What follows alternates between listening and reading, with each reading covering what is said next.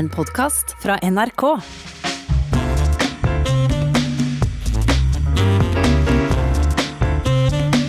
Frankrike har denne veka plassert seg også i det norske nyhetsbildet, med korrupsjonsdommen mot tidligere president Nicolas Sarkozy og gårsdagens frifinning av tidligere statsminister Edvard Balladur. Og Marte Mangseth, førsteamanuensis ved Senter for profesjonsstudier ved Oslo OsloMet. Hva er felles for disse to sakene? Det er jo det at Eh, rettsstaten plutselig omfatter også toppolitikerne, de øverste eliten i Frankrike, på en måte som kanskje de ikke har gjort før. Det har jo vært mange rettssaker mot eh, franske politikere opp gjennom tidene, ikke minst Chirac.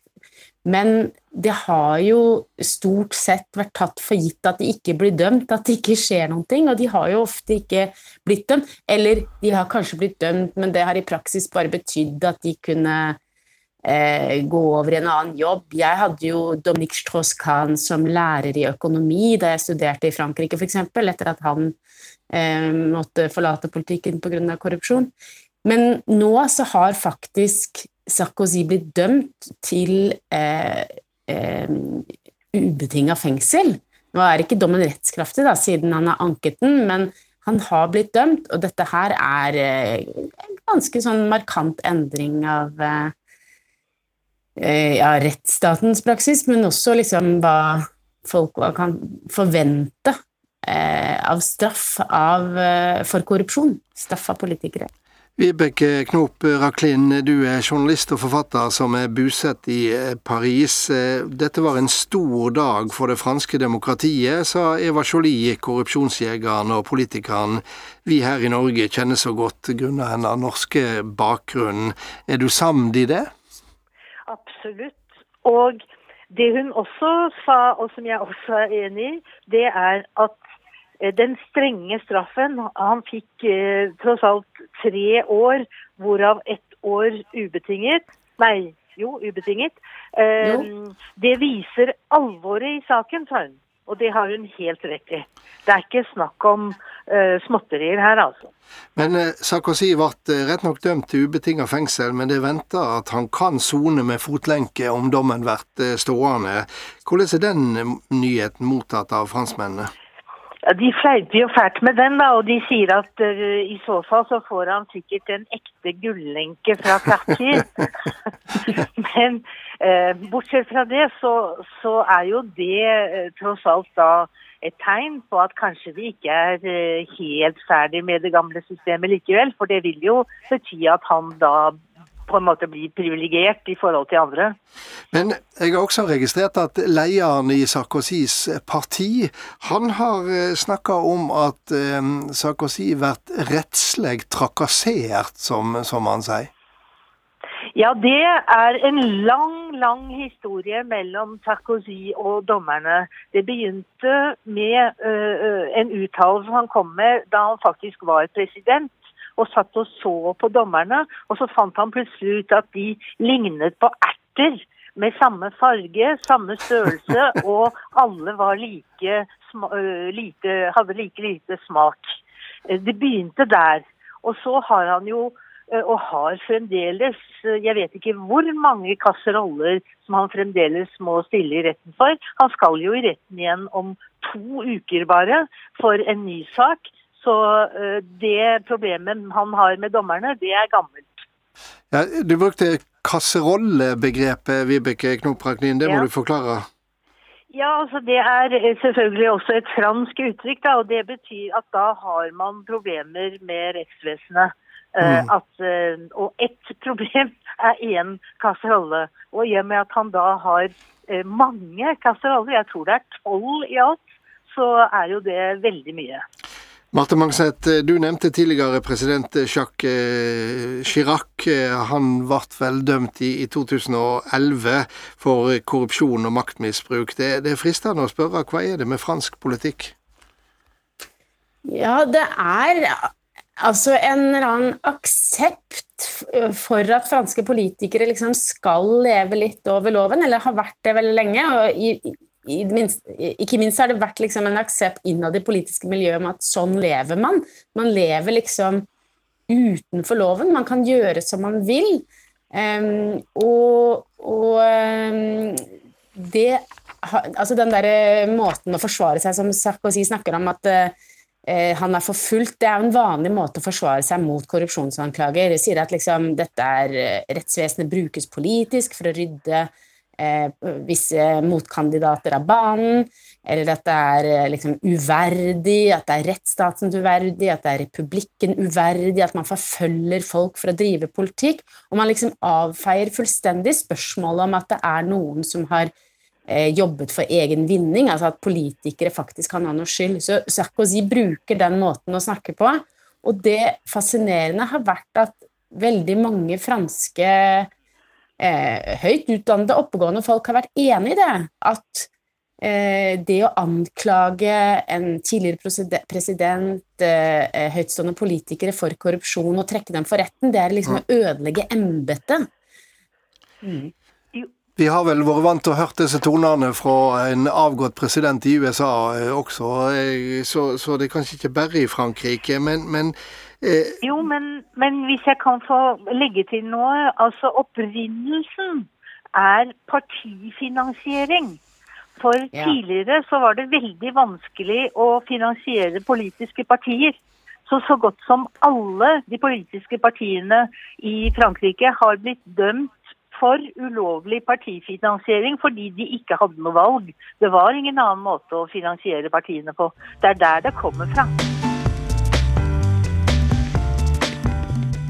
Ja, jeg sitter fremdeles her og snakker om Frankrike med Vibeke Knop Raklin og Marte Mangset. Og i april neste år, eh, Vibeke Knop Raklin, så er det presidentvalg i eh, Frankrike. Og har tiltalerne mot Sarkozy eh, eliminert han som kandidat for høyresida? Hvis straffen opprettholdes, ja. Da kan han ikke bli president igjen. Men hvis uh, han oppnår det han vil, og, og, siden han har anket, så kan det jo tenkes at det vil være mulig. Men han sa jo selv, han ga et stort TV-intervju for noen dager siden, og da sa han jo selv at han ikke har tenkt å være kandidat selv. Men eh, han lot det skinne igjennom at det ville bli uhyre viktig for valget hvem han kom til å støtte. Han antydet til og med at han kanskje kom til å støtte Macron. Så det var liksom hans måte å fremdeles veie i det valget. Ja, La oss snakke om president eh, Macron. fordi Han seilte jo inn i embetet etter andre valgomgang mot ytre høyde-kandidaten Marine Le Pen. Partiet hans hadde flertall i parlamentet, så han hadde så godt som frie hender til å gjennomføre en altomfattende reformpolitikk. Hva, hva var det Macron ville gjøre med Frankrike, Marte Mangset? Ja, han hadde jo denne doble ambisjonen. På den ene siden å eh, liberalisere økonomien. Han sa han skulle frigjøre økonomien, begrense byråkrati, sette liksom, entreprenørene løs. Han Eh, med det nye partiet sitt så trakk han jo mange mer liberale profesjoner og eh, litt en annen type demografi da, inn i politikken. Eh, så det tilfredsstilte liksom litt mer sentrum-høyre. Og så for venstresida skulle han jo også føre en, en ambisiøs sosialpolitikk. Han har jo skuffet mange velgere på venstresida, som opplever at det har blitt et mer tradisjonelt høyreparti. Um, og det har jo ikke vært bare bare å frigjøre fransk økonomi heller, det har vært mange andre utfordringer. Men um, det er vel venstresida som er mest skuffet, og vi ser jo det også i eh, opprør som gulvestopprøret og lignende, selv om det er politisk sammensatt fra mange kanter, da. Men eh, ja. Hvordan vurderer du eh, Macrons posisjon nå ett år før presidentvalget, Vibeke Knoprak Raklin? Det ser jo ut som alle meningsmålinger eh, tyder jo på at vi får en reprise av valget i 2017. Det vil si at det blir igjen Macron mot Marine Le Pen. Og det har vi alle trodd nå i lengre tid. Men så skjedde det noe i forrige uke som var veldig interessant. Og det var at Liberation, avisen Liberation hadde virkelig gjort en kjempesak på å intervjue tidligere venstrevelgere. Og nå sier de omtrent alle sammen at ingen av dem kommer til å stemme om igjen på Macron som, for å redde demokratiet, på en måte. Så eh, den satte et støtt i eh, politiske kommentatorer, og ja, mange velgere også, tror jeg, ved at tanken på at faktisk kan kanskje da uh, Marine Le Pen vinne. Ja, fordi at hvis jeg ikke husker feil, så var eh, slagordet i 2017 at eh, fascismen skal stanses, og, og at eh, store deler av venstresida stemte på Macron, eh, ikke for å stemme for han, men mot Le Pen. Og det er dette, det er dette nå som blir diskutert, altså? Ja, det er dette som diskuteres, og det er dette som da kom tydelig frem i den store anketen til Liberation, at eh, venstrevelgerne nå de har ikke ikke tenkt. For de er så skuffet over Macron at de kommer ikke til å stemme på ham en gang til. Nå er det lenge til valget, men i dette bildet Marte Mangset, så eh, går det jo an til å trekke inn også Macron og hans regjerings eh, oppgjør mot eh, muslimsk ekstremisme eller, eller islamismen. Jeg har registrert at i Frankrike er en diskusjon rundt begrepet islamogosjisme, som kanskje på et vis kan oversettes med islamvenstre, der Antirasister, politikere på venstresida og akademikere har vært anklaga for å være i allianser med islamister. Ja, altså dette eh, Denne loven som han ville vedta, eller fikk vedtatt, da, eh, om å styrke de republikanske prinsippene, var jo noe som kom i stand for å prøve å slå ned på eh, eh arnesteder for radikal islam. Det var, men, det, det var, vel også en reaksjon på det bestialske drapet på læreren Samuel Parti, som ble drepen, som vi husker, fordi han brukte karikaturtegning av profeten Mohammed i undervisninga. Ja, det var det. Altså, Lovarbeidet var allerede satt i gang før det. For dette er jo ikke en, en problemstilling som dukket opp med Samuel Parti, men det ble jo selvfølgelig styrket av det bestialske drapet. Og eh, mange og følte vel at det også ble en grunn til å liksom ta behovet for et arbeid med disse problemstillingene mer på alvor. Men det interessante med hele den, eh, det lovarbeidet der, var at eh, det har jo splittet høyre- og venstresiden. Sånn reaksjonene har ikke vært helt sånn forutsigbare langs høyre-venstre-aksen. Det har vært selvfølgelig mange på venstresida som syns at Eh, at dette er et angrep på muslimer, og at det er problematisk, og ikke minst muslimer også. Men det er også mange på venstresiden som har protestert mot loven, og som syns at den er et angrep på foreningsfriheten, på eh, staten. Eh, og det er mange på høyresiden, ikke minst blant katolikker og protestanter, som opplever at oi, noe som i utgangspunktet var ment å begrense radikal islam, ender opp med også å gå inn på deres enmerker fordi at det skal være religionsnøytralt. Så det går inn på deres mulighet til å fritt å, å drive religiøst arbeid i foreningen. Ganske kort til slutt, Vibeke Knop Raglin. Hvordan ser akkurat denne striden ut fra din uh, utkikkspost i Paris?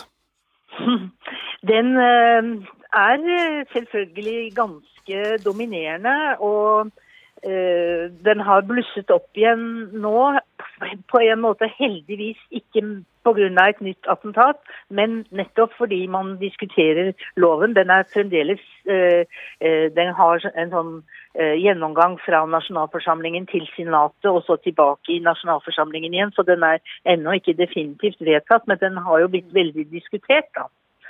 Så jo, det, det er midt i, i, bildet, det, selvfølgelig. Og det er helt sikkert ikke vi, eh, siste gang vi snakker om nettopp dette siste med oppgjøret med islamismen, og det som skjer nettopp eh, eh, i Frankrike med det som bakgrunn. Men vi må avslutte her, og tusen takk for at det ville være med i denne samtalen, Vibeke Knopp Raklin og Marte Mangseth. Og så runder jeg av med min faste kommentar. Her er denne ukas Stang inn, stang ut. Noe så dagligdags og samstundes avgjørende som boligpriser er nesten blitt en egen journalistisk sjanger her i dette landet. Den dukker opp en gang i måneden for å rapportere om vekst og fall i form av prosenter og desimaler.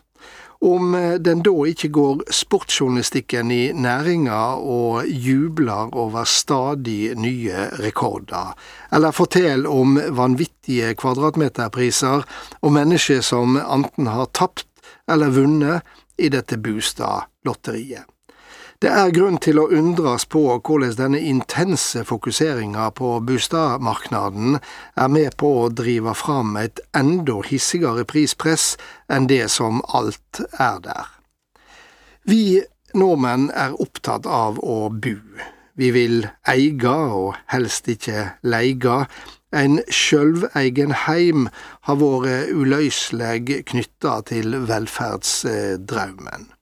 Nå ser vi at i de store byene og en del pressområder ellers er den drømmen uoppnåelig for mange unge mennesker med ei normal inntekt. Vi blir eh, fortalt om et stadig større skilje mellom de som, eh, ofte med hjelp fra foreldre og besteforeldre, har råd til å finne seg en plass å bo, og de som ikke har det.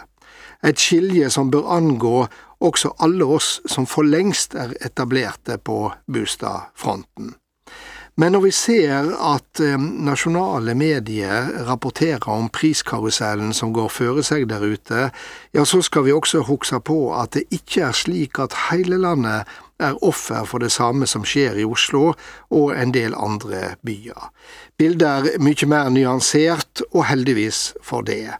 For det er alvorlig dersom eh, unge mennesker, ja eldre med, lar seg presse til å ta opp mye mer i lån enn en kan tåle om rentene stiger. Og det er ille om boligprisene blir drevet slik i været at de blir til ei boble som til, sett, eh, til sist sprekk og etterlater seg knuste drømmer og personlige tragedier. Vi har sett det før, og vi veit det kan skje igjen.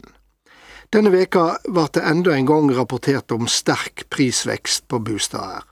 Det heter seg at marknaden er heit, og det blir spekulert i om det nå snart er på tide med renteauke for å dempe prisgaloppen.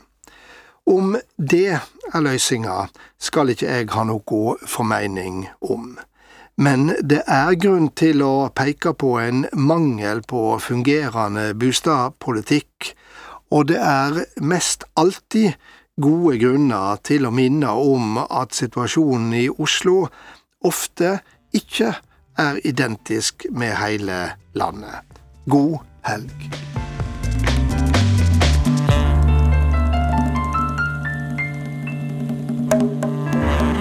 Du har hørt en podkast fra NRK. Hør flere podkaster og din NRK-kanal i appen NRK Radio.